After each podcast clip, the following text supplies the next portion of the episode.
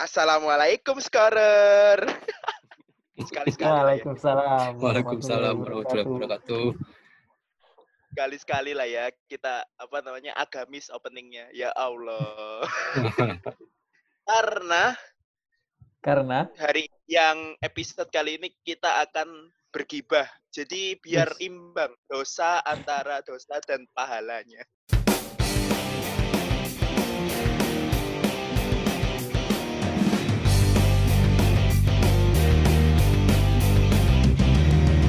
Oke, eh, Iya. sebelum kita mulai masuk ngobrol-ngobrol, saya mau menyapa gimana Sohibul Scorer? Apa keadaannya? Semoga baik-baik saja dan sehat selalu. Mas Torik, Mas Teguh, gimana kabarnya? Alhamdulillah. Sehat. Sohib Sohibul Sohibul skor dari Wonosobo sehat mi aman. Sohibul scorer. Chapter, chapter dong. Apa sih? Oh, chapter chapter Sohibul skor chapter Wonosobo aman. Ya Allah. Jadi Mas Teguh, Mas Torik, kali ini kita akan ngobrolin sebenarnya bukan Liga Champion, bukan Hmm. bukan Liga Eropa, bukan liga-liga top Eropa, tapi kita ngobrol ngobrolin soal pilihan politik. Wis. Ngeri? Berat, berat, berat. berat, berat, berat. Kita akan ngobrolin Pak Edi Rahmayadi. Enggak, udah lama. Salah, salah, salah. Kita tetap ngobrolin soal pesepak bola luar negeri. Kenapa? Karena kita takut diciduk, ya kan daripada nanti ada abang tukang bakso, ya kan lewat depan kantor.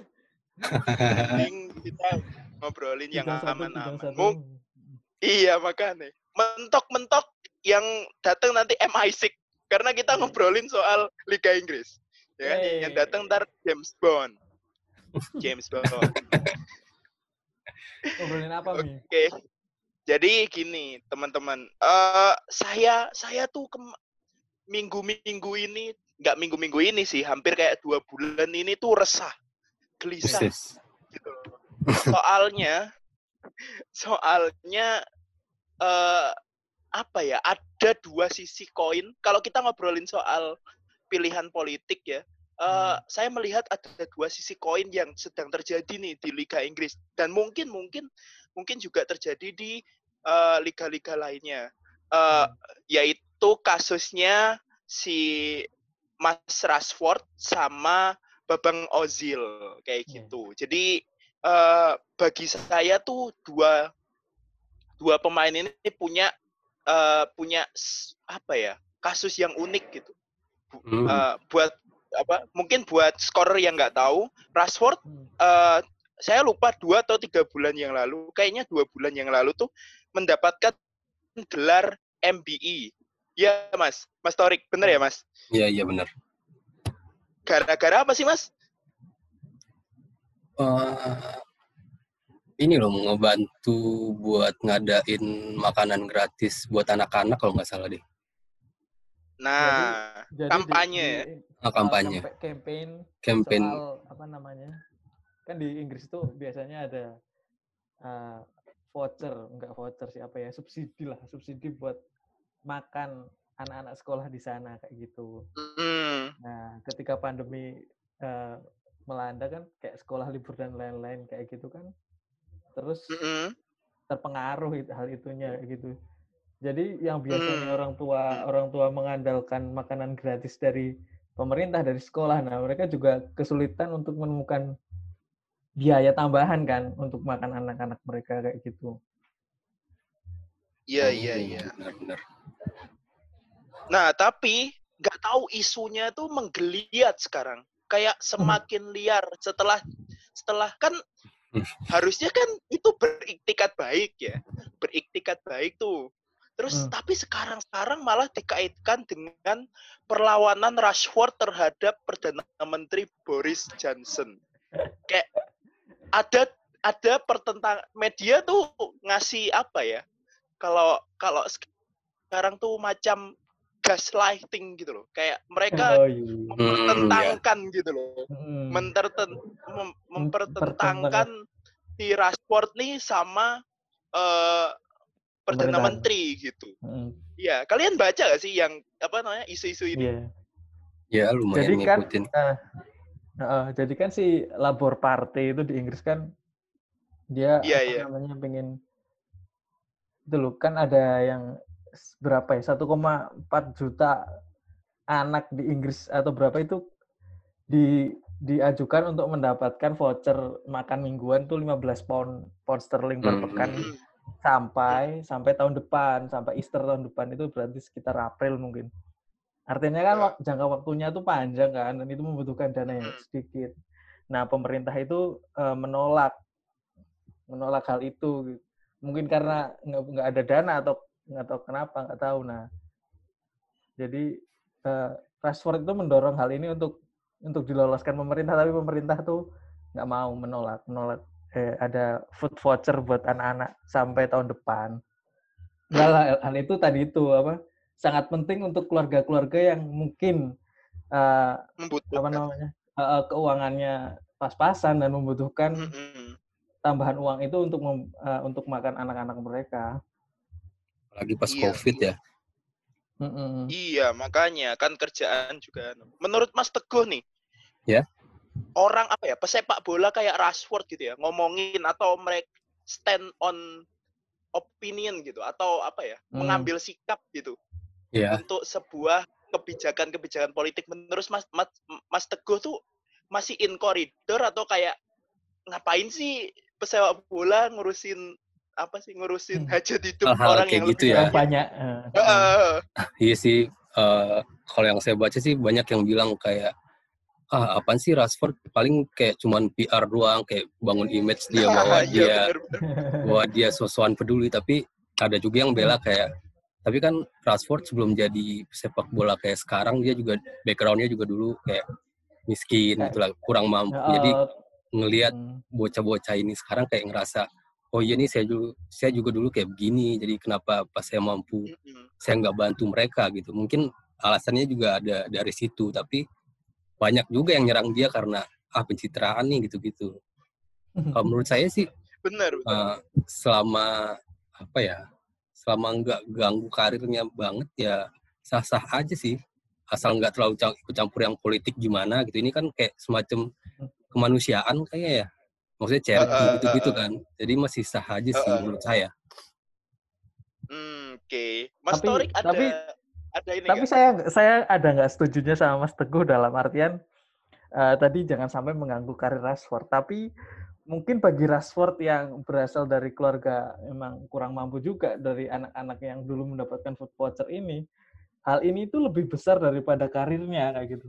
Hal ini tuh Yes. lebih penting Hmm. Ah, bagi dia iya. buat alright sih eh, dan dan apa namanya eh, lebih lebih untuk kemanusiaan juga kan. Jadi impactnya kali ya.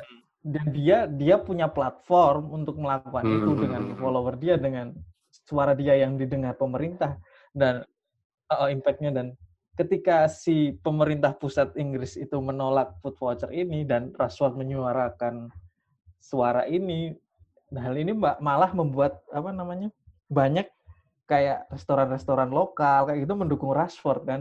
Bahkan pemerintah-pemerintah Hmm. lokal pun kayak pemerintah Liverpool pemerintah Manchester kayak gitu kan malah mendukung. Dia bakal memberikan makanan gratis buat anak-anak itu. Uh, berbeda dengan keputusan pemerintah pusat mungkin dengan dana daerah sendiri kayak gitu.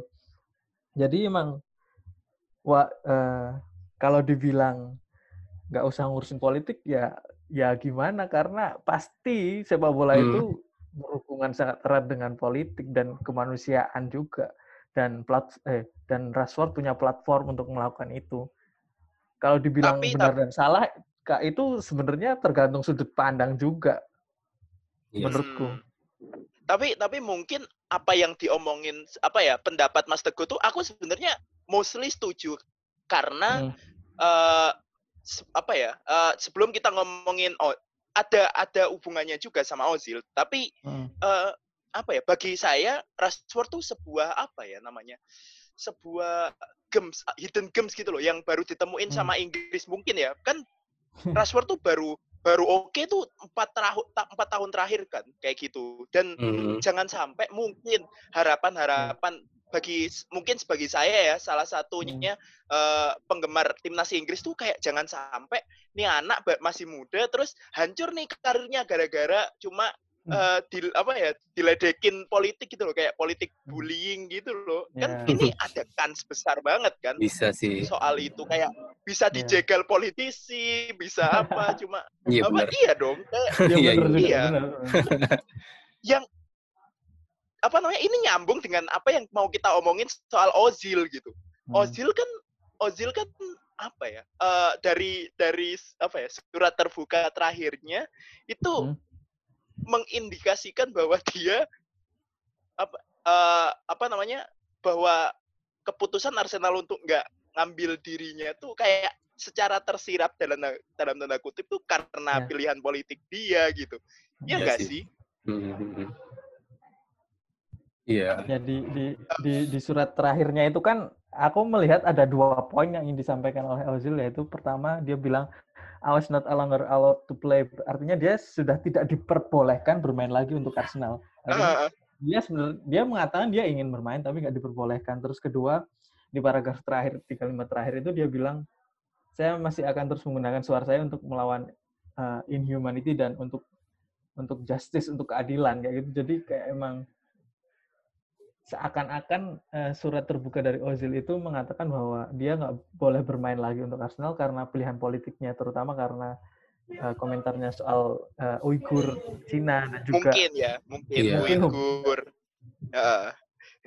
Itu kan kita masih me, apa ya meraba-raba ya sebenarnya Meraba-raba. kasus apa yang yang eh, karena Arsenal dan Ozil sendiri tidak tidak secara terbuka untuk ngomong ini ini masalah nih kayak gitu pada saat sampai sampai hari ini kan kita nggak tahu ya maksudnya Iya. eh, apakah benar eh, suara-suara Ozil itu bermasalah atau seperti apa. Tapi menurut Mas, menurut Mas Teguh nih, apa bedanya eh, ketika Ozil bersuara dan juga ketika Rashford bersuara? Kalau eh, apa Mas Mas Teguh kan pasti ngikutin kan kayak berita-beritanya eh, Ya. ya enam bulan terakhir atau satu tahun terakhir kayak itu apa sih bedanya kayak gitu menurut Mas Teguh? Mungkin apa ya? Mungkin kayak eh kalau di kasusnya Rashford kan mungkin nggak bersinggungan langsung kan klubnya kali ya. Eh, dia Ah, ah. Mungkin ya mungkin ada bermasalahan kritik-kritik mungkin itu dari mungkin pendukung pemerintahannya atau apa tapi nggak dari klub MU-nya langsung gitu sementara Ozil Mhm. kalau dari isunya kan eh, bahwa Arsenal di di Cina itu punya bisnis yang besar mereka punya eh, sumber pendapatan dari situ dan ketika Ozil nyinggung itu jadi klub juga Mhm. mau nggak mau eh, terdampak jadi dia dilema juga dia dia pengen si Ozilnya dihormati cuma dari Cinanya ada tekanan bahwa ketik kalau lu masih mainin Ozil nih ya udah dananya kita cut atau gimana dan itu bikin Arsenal ya takut. Itu dari dari konspirasi konspirasinya kita kan nggak tahu sebenarnya. Mungkin dari situ sih dari uh, klub dan ya dari klubnya sih. Kalau soal popularitas di misalnya Oh publik kayak kelihatan ini ya Mas ya. Kelihatan apa Ozil lebih lebih sial gitu kali ya karena dampaknya Heeh. sampai ke klub. Maksudnya Iya. meskipun dia bersuara pribadi ya kan, Hmm. meskipun dia bersuara pribadi tapi ke nyenggol klub gitu jadi Klubnya. keuangan klub gonjang-ganjing gitu mungkin ya. Padahal kalau kalau misalnya dilihat dari popular- popularitas pernyataan di publik banyak juga kok yang dukung maksudnya eh, Ozil bersuara buat ngebela eh, apa Muslim Uighur. Uighur banyak yang Mm-mm. bela banyak yang suka banyak yang dukung dan pas Rashford ngomongin eh, keadilan buat anak-anak yang kurang mampu juga banyak yang dukung tapi eh, di satu Hmm. sisi Rashford nggak nggak nggak diapa-apain sama MU maksudnya ya udah sih itu itu pilihan dia sementara di Ozil ini bu ya pilihan lu pilihan lu cuman ganggu eh, ini yang Keuangan. operasional klub ya udah kena dia. Mungkin ya. Benar benar sekali. Karena apa ya emang perbedaan keduanya itu di bisnis ter- sebenarnya emang keuangan. Karena Mm-mm. ketika Ozil eh ketika Rashford melakukan kayak gitu kita tahu Manchester dan London kan emang dari sisi politik juga emang berseberangan. Jadi nggak masalah. Dia fanbase-nya di Manchester bakal kemungkinan besar mendukung bakal dukung ya. Ya, Kalau kalau kasus Rashford kayak kayak dia bakal apa namanya pala mancunian nih kayak oh iya bener nih kayak gitu. Nih perdana menteri nggak bakal- bener nih kayak gitu mungkin ya. Bahkan Iya kan? bah- bahkan dikatakan bahwa Rashford ini bahkan bisa menyatukan warga Liverpool dan Manchester kan kata Wow. katanya. Kan hal Iya, ini iya, karena dia mendukung pemerintah pusat ya gitu kan. Memang yang berseberangan. Iya, sedangkan di sisi di sisi Ozil kan emang eh, eh, bisnis eh, uang dari Cina itu terlalu besar karena ketika setelah post it, setelah Ozil ngepost itu dia langsung si Ozilnya dikeluarin eh dikeluarin eh, Band di- dari di band dari, oh, dari negara yang oh, oh, ya dari pes pes pesnya di yang keluaran eh yang yang versi Cina itu dihilangin terus Iya. sempat di mesin Arsenal. pencarian HIPA itu mesin pencarian itu. eh, Ya, terus gila persiaran langsungnya langsung. Arsenal lawan City nggak jadi pas itu nggak jadi disiarin kayak gitu kan Iya. Eh, eh, tapi tapi yang eh, so- mau meluruskan soal teori konspirasi bahwa ini gara-gara Uighur komentar Uighur itu juga kar eh, setelah dia berkomentar seperti itu Ozil itu masih ber- selalu jadi starter masih selalu jadi Nah, iya starter itu. untuk, ya, untuk Arsenal sampai eh, jeda karena pandemi. Kan artinya apakah ini benar karena Nah, iya itu hanya dia. karena komentar itu atau ada hal lain? Hal Ada lain dalam yang- artian mm, yang eh, apa namanya karena eh, awal pandemi soal soal gaji. Si oh Ozil kan- iya benar benar benar. Dia tidak mau. si Heeh, Ozil nggak mau dipotong gajinya kan. Karena Ozil setelah itu melakukan wawancara mengatakan bahwa dia nggak mau dipotong karena nggak jelas dipotongnya buat apa uangnya mau dialirkan ke mana nggak ada laporan tentang itu. Dan Ozil juga ngomong dia bukan satu-satunya pemain yang yang menolak hal itu. Tiga orang kan. tapi eh, tapi kenapa dia cuma cuma dia yang dijadikan kayak ser- diserang oleh manajemen Arsenal? Kan itu juga jadi tanda tanya padahal di lapangan dia sebelum pandemi masih jadi starter terus Iya. setelah pandemi benar benar Ini aneh sih sebenarnya. apakah murni karena urusan bisnis kayak gitu atau seperti apa? Apa apakah memang bener urusan gaji ini? Kita tahu setelah kemarin Gandersaurus yang dinosaurusnya Arsenal itu di, di dirumahkan oleh Arsenal. di rumah terus- iya Terus Ozil kan bayar dia sendiri kan artinya dia nggak masalah sebenarnya kalau mau gajinya potong kalau uangnya jelas di misal di Ya, dialirkan ke, ke pegawai Arsenal yang lain kayak gitu kan. Apakah ini cuma teori, teori konspirasi yang lain mengat, nah, apakah ini cuma cara Arsenal untuk menyingkirkan Ozil karena masalah gaji itu tapi dibungkus dengan mengatakan bahwa oh ini salah Ozil berkomentar soal politik kayak gitu. Hmm, tapi Arteta benar benar benar menurut Mas Arteta tuh pro Ozil apa bukan apa gimana? Soalnya kan aneh aja sih maksudnya ya sebelumnya pas dia lagi pertama kali ngejabat pelatih salah satu ini kan nama-nama nama pertama di tim lah si Ozil masuk Ya, terus. ya, hmm. dan ketika tiba-tiba abis restart dia nggak sama sekali bahkan bangku cadangan pun enggak kan maksudnya aneh. Terus minggu apa musim ini bilangnya udah nggak cocok dengan tim. Itu kan kayak gimana ya kayak ada aneh aja gitu. Kayak dia yang paling tahu tentang Ozil terus tiba-tiba dia dalam cuman beberapa bulan udah nggak nggak aja. Bahkan untuk sekelas pelapis pun tau lah kayak eh, Liga Ya. Eropa kemarin main 10 menit 15 menit masa enggak gitu ya? Terus aneh aja gitu. Iya. Ya, gimana ya? Kalau kalau dari kalau dari saya tuh nggak tahu apa ya. Eh bukan saya itu nggak apa. Saya tuh masih percaya bahwa ini tuh ada ada tangan-tangan manajemen. Siapa sih yang punya tuh namanya Rob Rob siapa sih? Rob Rob eh siapa Kron- sih namanya? Kronke Kan dia pengusaha ini ya, pengusaha Amerika kan kalau nggak salah. Aduh lupa saya. Saya ingetnya Rob Holding bahkan. Rob Holding. wah Dia, dia pemiliknya Arsenal terus main jadi back. dia yang punya dia yang main makanya bukan bukan.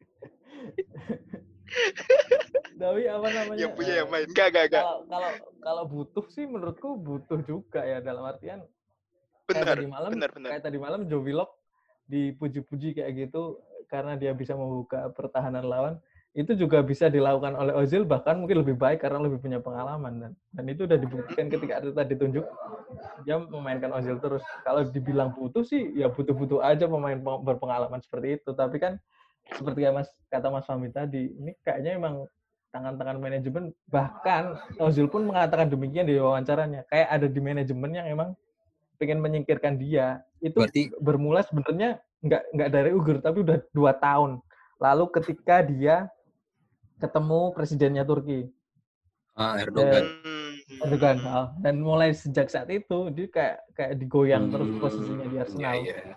Yang bukan di Hmm. timnas Jerman juga kegoyang terus di Arsenal juga kayak kayak ikut tergoyang kayak gitu Berarti si Iya. Arteta kayak terpaksa bilang bahwa ini adalah alasan sepak bola kali ya. Terpaksa. Mungkin, mungkin mungkin mungkin, mungkin. Ya kita nggak tahu. Tapi oke lah. eh, kita kita mengambil apa ya? Gambar yang lebih besar lah. Kita zoom out Hmm. sedikit gitu kan. Hmm. Eh, tahun 2020 tuh banyak banget isu-isu kemanusiaan dan gak sedikit gak sedikit Iya. orang tuh apa ya ngom- ngomongin itu eh, atlet itu atlet-atlet profesional profesional dunia tuh ngomongin itu kita apa namanya selain pesepak bola ya kita yang salah satu yang panas juga kayak si Hamilton ngomongin eh, Black Lives Matter Black Lives. Matter kayak gitu atau atau eh eh, ya banyak lah apa namanya sampai sampai yang terakhir juga Paul Pogba dalam tanda kutip digoreng sama The Sun katanya apa namanya eh dia dia nggak mau untuk masuk timnas lagi meskipun it, at the end itu itu diomongin sama si apa namanya si Pogba itu hoax ya Iya. Pogba kayak nggak tahu The Sun aja sih kayak dia nice banget tapi tapi katanya tapi tapi menurut- katanya sampai di sampai di Gimana? dituntut Ya, Iya, pengen, pengen iya. nuntut. isu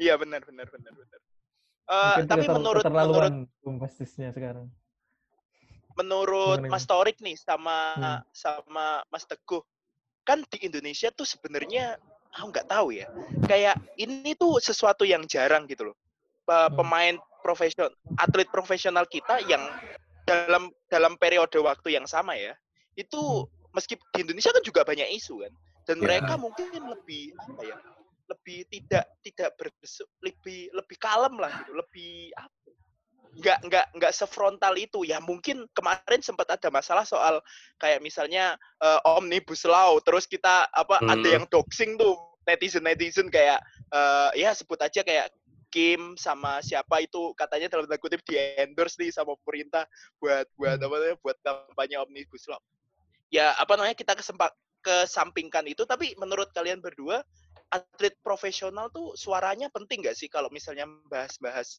eh, sesuatu yang berkaitan dengan eh, kebijakan publik atau soal Iya. isu-isu sosial kayak kayak gitu. Menurut kalian matters nggak? Atau kalau menurutku ya penting. Dalam artian kayak Rashford tadi dia punya platform. Dan artinya eh, atlet-atlet Indonesia juga juga punya platform yang sama kan dalam artian dia misal di sosial media dia punya follower yang banyak dia punya jaringan yang banyak bedanya memang kayak di posisi posisi tawar dia sebagai atlet yang Hmm, iya kalau di bener. Indonesia aku melihatnya nggak nggak begitu kuat ah iya iya Iya. iya dan tekanan-tekanan yang muncul mungkin mungkin juga bakal lebih besar dan lebih terasa soal kehidupan dia di daripada misal Benar atlet-atlet luar sekali. yang udah gede kayak Lewis Hamilton dan lain-lain kayak gitu kan Hmm. Benar, itu benar, juga benar. pengaruh dia jadi kayak atlet-atlet itu mem- lebih memilih untuk tidak bersuara daripada itu mengganggu Kesejahteraan kasarnya, hidup. eh, urusan dapur dia benar benar Iya sih. Padahal kalau dilihat lebih dalam memang atlet-atlet kita juga banyak yang misal berasal dari eh, tempat-tempat yang ada eh, eh, masalah Isunya tuh dekat ya? isunya Iya. eh, isunya dekat dengan mereka latar belakang kayak Rashford yang tadi berasal dari Ah. eh, keluarga kurang mampu dan lain-lain misal kayak gitu dan di Indonesia juga juga banyak kayak gitu dan tapi ya itu tadi posisi tawar mereka yang bukan posisi tawar sih bener. posisi apa ya keamanan mereka mungkin ya bukan Iya. keamanan juga dalam keamanan dalam artian bukan keamanan Ya, aman, comfort tapi, apa mereka mungkin ada ada pertimbangan antara Ah, eh ya kan maksudnya pendapatan dan Hmm. juga eh, Iya. ya hitung-hitungan gitulah ya. Iya. karena misal misal eh, sekali aja dia terpeleset Iya, misal benar. nah, Langsung dia habis. bakal mungkin Heeh, bak- karirnya bisa habis sponsor meninggalkan dia misal seperti itu dan itu juga perlu perlu dipikirkan matang-matang misal Ozil ketika dia nge-tweet itu tentang Uyghur dia tahu bah- bahwa 6 juta followernya di Weibo bakal hilang dan itu dia mungkin udah hitung-hitungan dan bagi dia itu sepertinya ah nggak masalah Iya. saya kehilangan dari eh, follower dari Cina seperti itu. Tapi kan posisi yang sama nggak bisa dikatakan untuk para atlet dari Indonesia. Benar sih, Hmm. Mas. Jadi kayak kayak skalanya ya. Kalau Ozil kan maksudnya kalau bintang dunia kayak Pogba, kayak Rashford, Ozil ya berseberangan dengan pemerintah pun dia dia yakin punya apa sih influence yang yang mungkin bisa sama kuat kali ya. Karena penggemarnya atau followernya juga banyak banget. Kalau misalnya di Indonesia kan aduh, kalau misalnya dia berani dia juga follower belum tentu bisa ngedukung dia semua. Iya kali kalau dia kalau follower yang ngedukung ternyata kebijakannya non populer, nggak populer ternyata followernya bala- balik serang ke dia, oh udah kan bingung dia jadinya. Jadi kayak Iya. emang perhitungan itu sih kayak ya kalau yang di luar udah kuat banget, yang di sini masih lokal lokal doang, itu pun juga belum bisa dibilang kuat. Itu sih paling Iya, Dan benar benar. dan dan satu lagi mungkin eh, lingkungan yang mendukung dalam artian Iya. Benar. dalam artian apa namanya ketika Open minded ya. Hmm. Heeh. masyarakat masyarakatnya ketika apa di luar kan juga ada yang bilang ah apa sih kamu pesepak bola ngomongin ikut ngomongin politik nah dan Benar, benar. hal itu lebih kuat terasa ketika di dalam Indonesia setuju nggak Iya, benar benar benar. Ya, bukannya kita ngomongin bahwa eh, pecinta sepak pecinta sepak bola atau apa pun ya, maksudnya pecinta olahraga Iya. apa pun tuh nggak siap untuk nerima isu ya. Cuman Iya. ya itu tadi eh s- apa ya akhir-akhir ini kan kritik tuh di, diubah jadi sentimen itu loh jadi Mhm. jadi Iya, benar, apa benar, itu benar. yang jadi ini jadi jadi tantangan terbesarnya kayak Hmm. gitu kan istilah dan Iya. Ya biar apa mungkin mungkin ya udah ada porsinya lah gitu mungkin Beneran Eh, harus hati-hati banget ya. atlet-atlet Iya, kita benar. iya ya oke lah eh ya di akhirnya apa ya di akhir pembicaraan ini mau mau atlet tuh full kor- korporasi mau atlet tuh full aktivis ya itulah pilihan pilihan mereka tapi akan sangat disayangkan sih ketika memang ya kalau misalnya terbukti entah itu kapan tahun entah itu pas Ozil mungkin udah pensiun terus berani membuka bahwa ini itu ada kaitannya dengan pilihan politik dia dan sebagainya itu akan sangat sangat ber, saya yakin itu akan sangat berdampak ke Arsenal sendiri maksudnya nama baik dia dan. Iya sih. dan sebagainya itu itu akan sangat berdampak karena ya kebebasan bersuara bro kayak gitu Iya. kan istilahnya Iya. kalau harapan kalau harapan saya di Indonesia kayak gitu ketika eh, kita lihat ke luar negeri banyak mantan mantan atlet yang kemudian berkarir di politik dan bahkan menempati posisi penting bahkan kayak perdana menteri di eh, kepulauan Faroe itu presiden Liberia George. Weah eh, si Shevchenko misal masuk parlemen kayak gitu kan di Indonesia masih ada ban- banyak atlet yang masuk politik juga ada tapi suaranya masih belum begitu terdengar juga menurutku Benar. pribadi.